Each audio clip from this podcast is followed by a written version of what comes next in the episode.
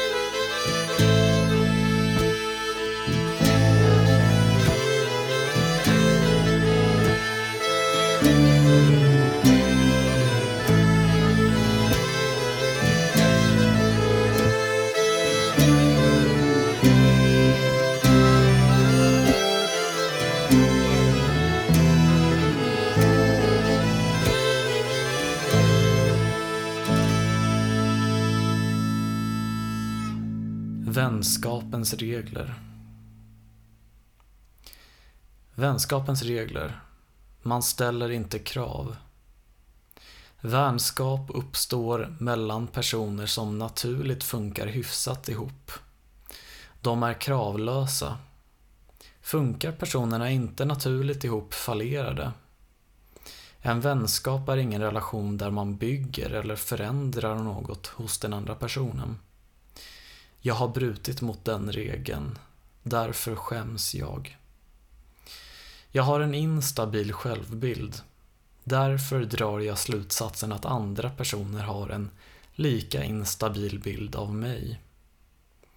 Som konsekvens är jag väldigt försiktig med vad jag säger eftersom ett enda ord fel kan göra att personen lämnar mig. Att ställa krav är att säga att ens egna behov går före ens väns behov. Tror den andra personen att jag älskar mig själv mer än vad jag älskar någon annan är jag rädd att jag kommer bli lämnad. 5 december 2019 Kommentar Rötterna i min syn börjar lustigt nog på Flashback Forum. 2010 någon gång hamnade jag där. Som en 10-11-årig medelklasspojke fascinerades jag oändligt av brytandet av det stora T-tabut knark. Att ens forumet där de diskuterade dessa dödliga preparat öppet var lagligt gick inte att greppa. Jag trodde att bara sådana samtal i sig skulle innebära en allvarlig och omedelbar polisiär angelägenhet. Jag sögs in i gemenskapen, den saken var oundviklig. Genast försköts mina åsikter åt det ultraliberala hållet. Man ska fan få göra vad man vill med sin egen kropp. En helt ny värld. Flashbacks parallella rike bar dock annat bagage, som jag fick lite på köpet. Som von Trier förordnade tog jag det onda med det goda. Detta goda var inställningen till SD. De var tydligen inte dödsnazister. Och dödsknark var ju uppenbarligen inte dödsknark heller, så varför skulle inte detta också stämma? Sverigedemokraterna var det svenskvänliga partiet, som var de enda med en rimlig invandringspolitik. De enda som vågade säga som det var om de problem som komma skulle och som redan hade börjat uppenbara sig. De var inte kränkta vita män. De var egentligen en åsiktsförtryckt minoritet som förde ett korståg mot fienderna bland oss. Feministerna och kommunisterna. Så framställdes det. Min åsikt om partiet stöptes i en form av sympati.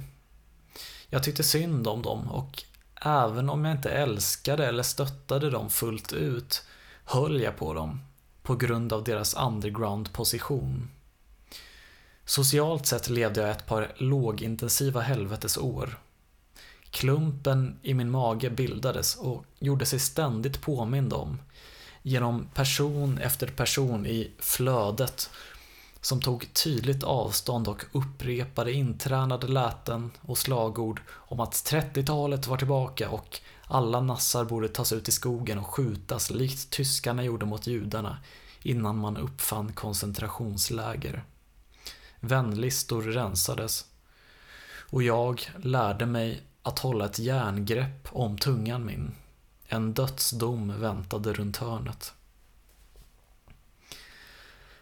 Att sammanfoga min frihetsknarkande ådra med en stram invandringspolitik var inte det lättaste. Ja, visst, visst, frihet under ansvar, råda sig själv, öppna gränser men inga bidrag och så vidare. Det är fortfarande rimligt det där. Inte för att jag tycker att man ska ha öppna gränser och inga bidrag, men det är ett matematiskt faktum att på grund av tiden det tar att etablera sig, om man nu gör det, kan inte hur många som helst bli en del av det svenska samhället på kort tid. Och därför är det de facto en ekonomisk förlust. För att inte tala om sociala problem som uppstår när integrationen inte funkar, som ofta drabbar andra invandrare hårdast. Men sådana argument gick inte att föra. Då blev man paria. Jag balanserade på en tunn tråd som det var, utan att ha någon pullfaktor till mig som person. Att riskera att bli utfryst formellt hade bara varit korkat. Alla som jag kände var antingen apolitiska eller vänster. Socialister och feminister hela bunten på den sidan. Det var fullt normalt för somliga att göra inlägg om att de hatade män och om någon tog åt sig så kunde de gå och hänga sig. Men jag är ju man. Jag har väl aldrig gjort dig något illa. Och när du skriver att jag är dålig bara för att jag är av manligt kön mår jag dåligt. Jag kan inte hjälpa det. Hur som helst, att angripa dessa skulle leda till just den sak jag till varje pris ville undvika. Ensamhet och misär. Underlaget för libertarianism är inte så himla stort i Sverige och, och särskilt inte bland 13-åringar för att bygga en hel social krets på. Det behövdes något annat sätt för mig att ta ställning och hävda mig politiskt på.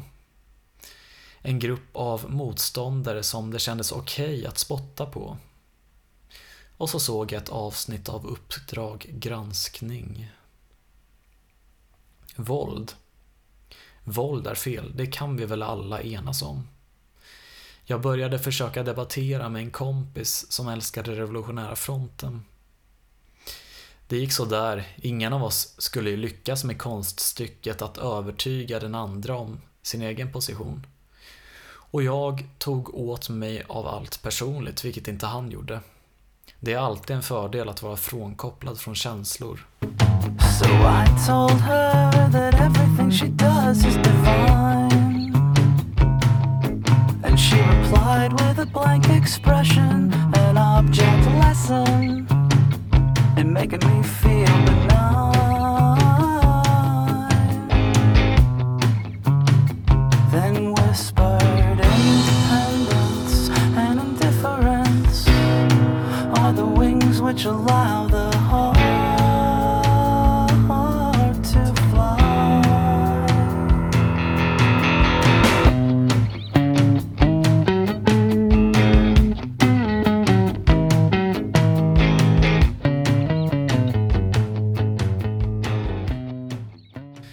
stöd hos Elias istället. Vi bildade klubben ARF, ARF, Antirevolutionära fronten. Det var egentligen jävligt fånigt. För, för, för vad, kan, vad fan kunde vi göra? Sitta och raljera för oss själva. Vi hade någon gång funderingar på att åka upp till Stockholm och titta på när någon, eh, några nazister demonstrerade som och det skulle förmodligen attackera, attackeras av våldsvänstern. Men det blev det inget av.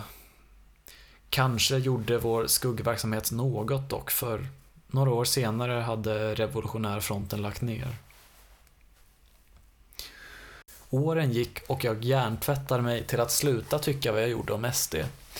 Alternativt så tog jag bort den föregående hjärntvätten. Magkänslan av att känna mig personligt attackerad och riskera utfrysning lättare med åren av att utsättas för det som orsakade rädslan. Någon slags KBT mot fobi. Efter ett tag fick jag även intellektuella och ideologiska verktyg för att rationalisera mitt nya politiska jag. Ja, först i form av den tidigare nämnda ultraliberalismen vars frö redan hade såtts i, på drogforumen. Jag omfamnade idén om fri invandring så länge de inte tar emot skattefinansierad välfärd. Allt annat var mumbo jumbo, konservativ eller socialistisk. Sedan gick jag långsamt över till vänster via Youtube-kanalen Libertarian Socialist Rants driven av en autistisk skotte Eh, via honom gick jag då över till frihetlig socialism. I mitt eget huvud var jag syndikalist, i realiteten var jag väl mer av en mellanmjölksvänsterpartist. Vi har ett humanitärt ansvar som iland Allt annat är högerpropaganda. Jag tror att jag utgick från kanalens brittiska perspektiv där man på allvar kan säga att landet drev, pådrev kolonialism. Vilket inte riktigt är applicerbart på den svenska historien. Det var väl en väldigt misslyckad kolonialism i så fall får man säga. Vänsterismen förde med sig nya regler och nya pung, ursäkta, tunggrepp. Jag blev puritan. Av någon anledning har mina nära intensiva kontakter alltid varit av det täcka könet och jag blev livrädd för att nämna sex överhuvudtaget. Creepy var det värsta en man kunde vara. Att göra någon obekväm, usch. Framför allt var mitt dåvarande anknytningsobjekt en åtta år äldre kvinna som jag nu skulle beskriva som radikalliberal. Kollokialt är nog PK bäst beskrivning. Jag minns främst en gång när jag hade sett Män som hatar kvinnor och var väldigt entusiastisk över rullen. Så jag skrev till henne. Men jag gjorde ett felsteg. Formuleringen Justice Boner angående hur jag kände när Salander gav sig på sin gode man föll inte i god jord. Hon tyckte att begreppet var väldigt opassande med tanke på sammanhanget av diverse våldtäkter. Jag fick panik. Skrev ett långt meddelande där jag innerligt bad om ursäkt från hela mitt hjärta. Hon svarade inte. Jag skrev mer och mer, pudlade totalt. En tidigare gång hade jag gjort en liknande sak efter att jag förnimde en obekvämlighet i en adjökram. Piskade mig själv med ord om att det var fruktansvärt av mig att utgå från att en sådan intimitet var önskad, att det var ett mindre övergrepp att ge henne en kram sådär. Nu som då fick jag nästan en ångestattack. Hon förlät mig, sa hon, men jag tror att det lämnade sina spår. Främst hos mig. Några år senare befann jag mig i min första sexuella relation. Det tabut hade krossats om inte annat i den specifika relationens kontext. Men jag var fortfarande osäker i min natur. Via telefon bollade jag en tanke mot min kvinnliga bekanta, en möjlig annan orsak. Mina föräldrar skildes när jag var så ung att jag inte då begrep vad det innebar. När jag var sju år gammal började jag plötsligt må väldigt dåligt över det. Grät en massa. En kväll tog jag mod till mig och frågade snyftande min mamma varför hon hade lämnat pappa. Hon slutade helt enkelt att älska honom. Han hittade inte på något kul längre. Han hade blivit tråkig. Jag vet inte om det var sanningen, hela sanningen och inget förutom sanningen. Men det kan oavsett tänkas att min syn på den typen av relationer har formats av svaret. När som helst kan en kvinna lämna mig. Av ingen uppenbar anledning alls. Min kvinna i fråga trodde att det nog låg något i vad jag sa. Men det var inte relevant i vår relation. Om jag så kände att jag ställde krav var hon lugn med det. Kunde hon anpassa sig så att jag inte mådde dåligt ville hon såklart göra det. Hennes uppfattning av mig skulle inte förändras av en enskild sak jag sa. Hon skulle inte lämna mig. Lättare sagt än gjort. Jag fick sista ordet några månader senare. Fast ska jag vara ärlig vet jag inte 100% varför och jag tror definitivt inte att det var på grund av en enskild handling eller ett enskilt meningsutbyte. Hon skyddade sig snabbt genom att hävda att vi aldrig hade haft någonting. Så hon lämnade mig ju inte, hon hade bara grönare gräs i sikte. Det här var då alltså den ursprungliga introduktionen som jag skrev till den här berättelsen. Den var tänkt att bli betydligt kortare än föregångaren men som det ser ut nu kommer den bli minst lika lång, förmodligen rätt mycket längre. Nu har jag dock nått en punkt där jag måste sätta mig ner och planera en massa. Vad är värt att ta med? Saker flyter ihop i mitt minne. Vissa saker minns jag inte alls men tänk om det hände något viktigt den kvällen. Och jag kan inte heller bara göra så att jag raddar upp alla, alltså jag kan inte citera hela vår Messenger-konversation för det, det är inte värt att berätta allt. Och på sistone har jag inte känt att jag orkar sätta mig ner och teckna upp hur berättelsen ska bli. Jag har dessutom mest mycket känt så att uppföljaren till det här, nästa berättelse, alltså jag har mest tänkt på det som har hänt mig det senaste året. Uh, och det, det, det känns som det är så himla mycket bra där. Alltså det är mycket bra här också, men, men, men jag måste Jag, det finns en viss tröghet i berättelsen just nu. Jag måste liksom få fart och, och för att bara kunna kötta vidare. Jag hoppas på bättring på den punkten inom kort. Jag måste hålla mig sysselsatt för att inte bli totalt deprimerad och livstrött men när jag befinner mig på en viss grad av trötthet på livet som jag gjort på sistone är det svårt att komma igång med att göra saker. Jag är inte särskilt bra ändå. Jag har ingen skyldighet i världen att göra det jag gör. Folk har väl tröttnat ändå och kommer hitta något som faktiskt är bra.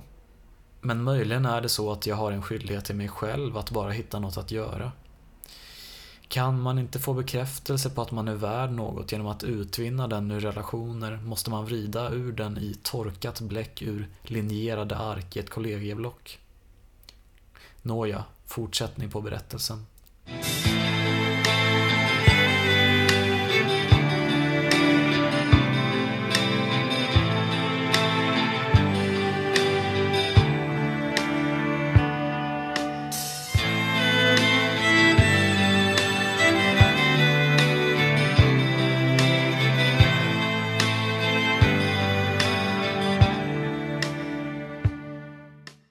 Musikens makt kom igång så smått. För en hyfsad period framöver skulle vi klara av att hålla det regelbundet med ett släpp i veckan. Det var en givande aktivitet. En sysselsättning som inte bara innebar socialt umgänge och folkölsdrickande med Robert de gånger vi höll det duo, utan också tillät oss att träffa spännande gäster när sådana inspelningar hade planerats.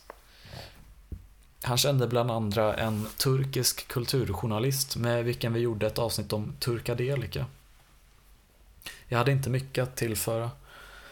Jag gjorde ett tappert språng med låten Wara Wara.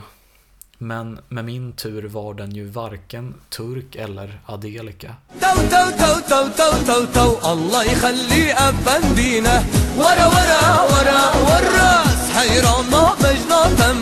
Gel gel gel gel yanıma Can hayran selvi boyuna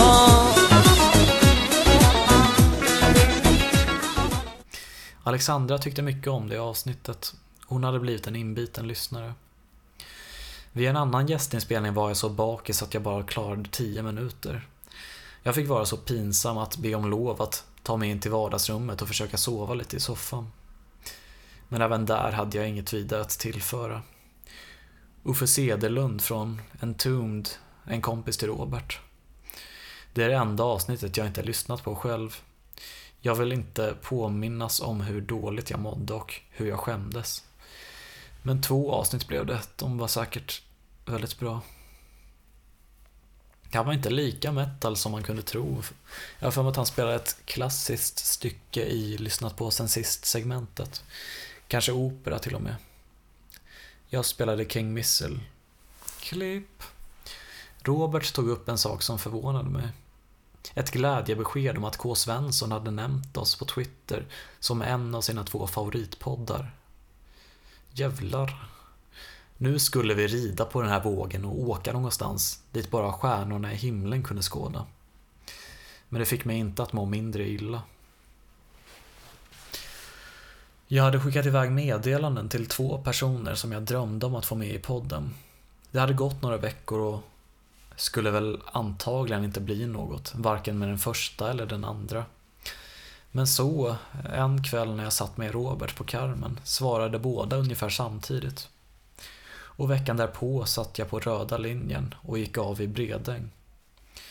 Var det inte där David Liljemark bodde? Nej fan, det var ju Mm, Bandhagen, just det. Alla jävla Stockholmsförorter, man blandar ihop dem. Jag kände av min vanliga svårighet i att navigera i nya områden. Och dessutom regnade det. Jag förstod inte ens om Google Maps ville att jag skulle gå till höger eller till vänster. Där bort, genom den stora gräsplanen. Nej, här var det avstängt med stora byggnadsstängsel. Sena bud som alltid. Till vänster om lägenhetshuset gick man ner, så var det en dörr där en Parkinsons sjuk, skäggig, krullhårig man öppnade. Det var Uje Brandelius från Dr. Cosmos som välkomnade mig in till replokalen där Robert redan satt och väntade. Fantastiskt fint inrett, sådär proggmysigt som man kan vänta sig. Böcker och seriealbum, instrument, mjuk belysning och planscher från festivaler. Komeda, inte Kristoff. Vackra kristaller faller från det blå Alla är olika tänker jag då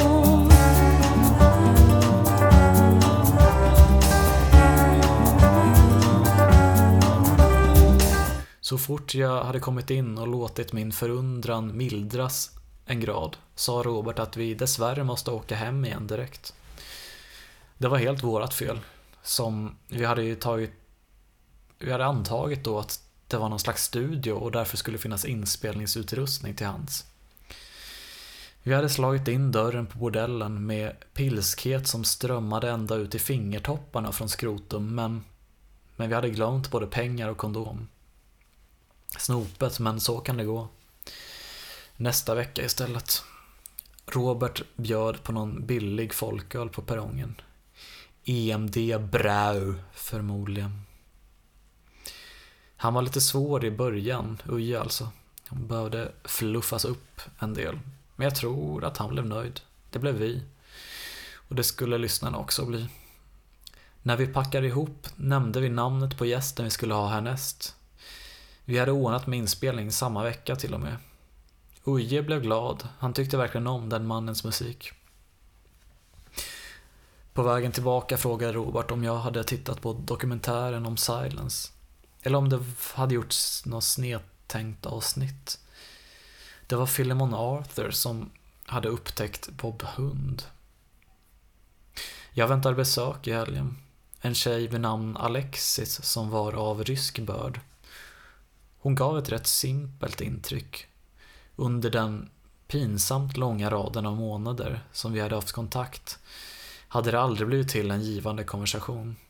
Mest en massa bilder som vi skickade fram och tillbaka. Jag hade installerat Snapchat enkom för att hålla kontakt med henne. Hon var alldeles ofattbart snygg. Höll på med yoga och gymnastik.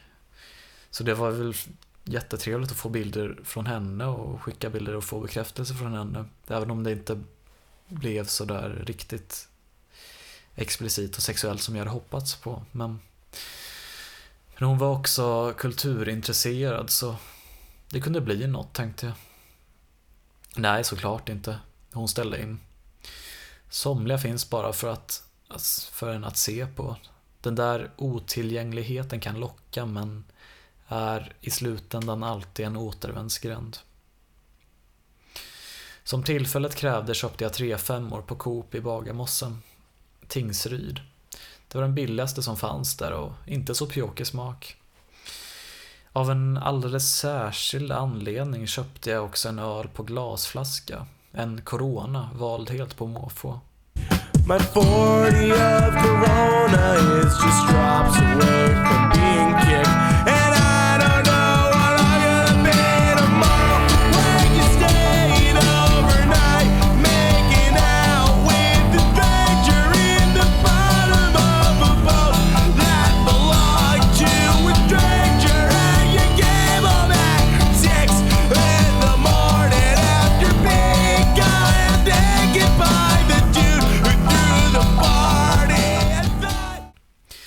Dagens gäst skulle komma till Robert istället för att vi skulle åka till honom, vilket var mycket smidigare.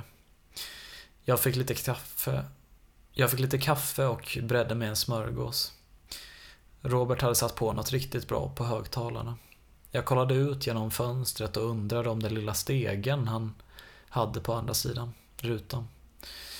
Den var för katter och vi såg en katt röra sig utanför mot skogen. Vår gäst hittade inte riktigt, men jag märkte att jag hade skrivit fel adress, så rätt som det var ringde det på dörren. Smidigt ska det vara i förorten. Inget lås på ytterdörren under dagtid. Robert erbjöd också kaffe till eh, Mattias Björkas från eh, Cats on Fire och Vasas flora och fauna. Under tiden han satt i köket och drack av sin kopp kilade jag iväg till toaletten.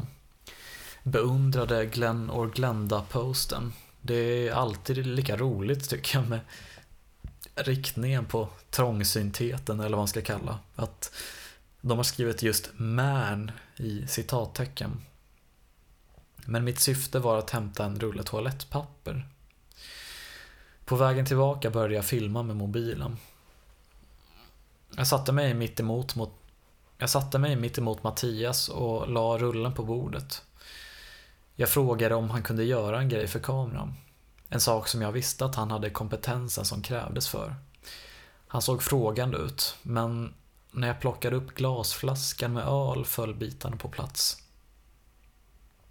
Det hade sitt ursprung i ett par gamla YouTube-klipp jag hade sett med Mattias från olika festivaler sent 00-tal. När han demonstrerade partytrycket öppna en kapsyl med ett tätt ihoppackat toalettpapper. Och det var väl mest en ursäkt att visa upp vilken insatt kännare jag var av hans karriär. Alternativt en ihärdig internetstalker. Hur som helst, inspelningen blev bra. Väldigt bra. Våra bästa två avsnitt någonsin. Det får man väl på köpet med Mattias. Jag tror det var hans poddebut. Jag väntade mig inte att det skulle bli tjock... Jag väntade mig inte att det skulle bli chockhumor mot slutet när han berättade om bakgrunden till låten The Smell of an Artist. Om en finsk konstnär som gjorde en viss sak med en kattunge. Ja, lyssna på avsnittet. Eller avsnitten. Från Vasas...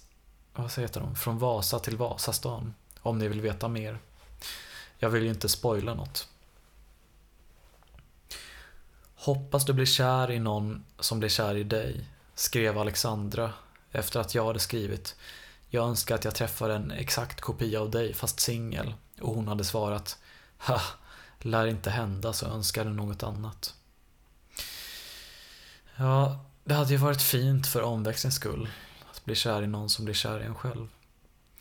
Jag skulle hem till min mamma för att hämta Benno nummer två inför Uje-inspelningen och passa på att hämta mina blotters ETH-ladd. Som om jag inte hade spänning nog nu med Alexandra. Men det hade med henne att göra. Likt jag och Jenny hade jag och Alexandra fått en massa dumma idéer till planer. En av vilka var att ta det preparatet och gå på Gröna Lund. Men Grönan hade inte öppet många dagar till nu och med största sannolikhet skulle det inte bli något av det. Finns ändå oändligt många bättre ställen att trippa på än i en nöjespark. Hur mycket 60-tal det än låter. Alexandra frågade om hur jag kände över att ha behövt ge min dåliga dejt nobben. Jag känner ändå att jag har fått större förståelse för folk som har högre sexuellt värde och tvingas dissa folk. Vilket jag antar är positivt och kanske kan hjälpa mig hantera sådana situationer smidigare från mitt vanliga håll i framtiden. Hon svarade, och det här är en viktig pusselbit i att förstå hennes karaktär, så här. Ja, alltså jag känner så himla starkt att man inte ska behöva tumma på sanningen för någon annans skull. För den ska kunna ta sanningen och hantera det. Jag tycker att osanningar och osagda saker är det läskigaste som finns. För jag gillar att förstå människor omkring mig och hur jag framställs. Fast hon medgav att hon haft konstant uppmärksamhet sedan hon var 17. Hade alltid varit i ett förhållande eller dejtat, så hon kunde inte fullt relatera till min situation. En konsekvens av att vara en över genomsnittsattraktiv kvinna, på gott och ont. Jag instämmer till viss del, men som jag skrivit förut kan jag inte vara 100% ärlig. Om jag hade gått på en dejt med någon och inte fattat tycke på grund av att jag tyckte personen var ful hade jag inte svarat det, även om de frågade. Även om det var sanningen. Det är väl därför jag inte kan lita på någon riktigt. För att jag vet att jag själv inte är helt och hållet pålitlig. Och jag tappar också livslusten helt om något tar slut. Dels såklart att jag bara saknar personen så jävla extremt mycket som jag byggt upp mitt hela liv och min självkänsla kring. Men också bara känslan av att jag aldrig kommer träffa någon igen. Det var inte jag som träffade fel. Det var ingen slump att det tog slut. Det var hon som träffade fel person, inte jag. Nästa kväll såg jag att biljetterna till årets Della Grande på Scalateatern hade släppts. Jag och Robert skulle gå. Han hade redan köpt biljetter. Men jag väntade med att köpa. Jag ville övertyga Alexandra först. Vilket jag gjorde. Första november skulle showen inträffa. Samma datum som jag skulle vara bostadslös. Om jag inte hade hittat en ny lya tills dess. Ikväll skulle vi ses på Carmen som vanligt. Det kändes som att det var länge sedan vi träffade varandra. Men egentligen var det inte det. Mindre än en vecka, vilket hon återspeglade. Hon skrev att senast vi sågs hade hon sagt till sin rumskamrat Filippa att vad kul det skulle bli att träffa Love, det kändes som en evighet sen. Men Filippa svarade att det bara hade gått en vecka. Istället för att åka direkt till Carmen gjorde jag en liten detour förbi Zinkens. Lustgas på lokal. Vilken grej det skulle bli. Och vad glad och överraskad Alexandra skulle känna sig. Och jag anlände. Alla andra satt redan vid bordet. Alexandra var sur på Joel över något, men hennes reaktion när jag visade vad jag hade i väskan blev som förväntad. Jag hade inga egentliga planer på hur vi skulle ta det, men hon visste precis. In och sätta oss på tjejtoan. Det var pinsamt men hon lovade att ingen skulle bry sig. Vi satt nog där i 7-8 minuter och drog patron efter patron och lyssnade på musik på låg volym och kollade varandra i ögonen. Vi var noga att samla ihop alla använda patroner och slängde i papperskorgen. Utanför stod en mindre kö, men Alexandra var full och jävlig som hon kunde bli ibland och sa högt på sin, Göte- och sa högt på sin göteborgska att ursäkta, vi har knullat. Jag, småfin jag småfnissade hela vägen tillbaka till bordet. Dolly died of young age Spat the cup and the page. The priest was lucky for he got to keep his job. Suppressed his guilt of the deathly starry dog. And heaven gave it a soul. The gates were opening up. They tore the price tag right off It's bad to know the cost of something new Especially when it was given to you a present is not something you choose. Forgot about the first date that was in first grade. Got a telescope is pointed to the sky, and I might see you if I only try. I can't get the focus quite right.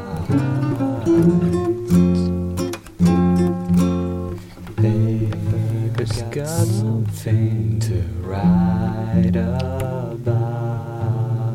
And if sorry faces can spare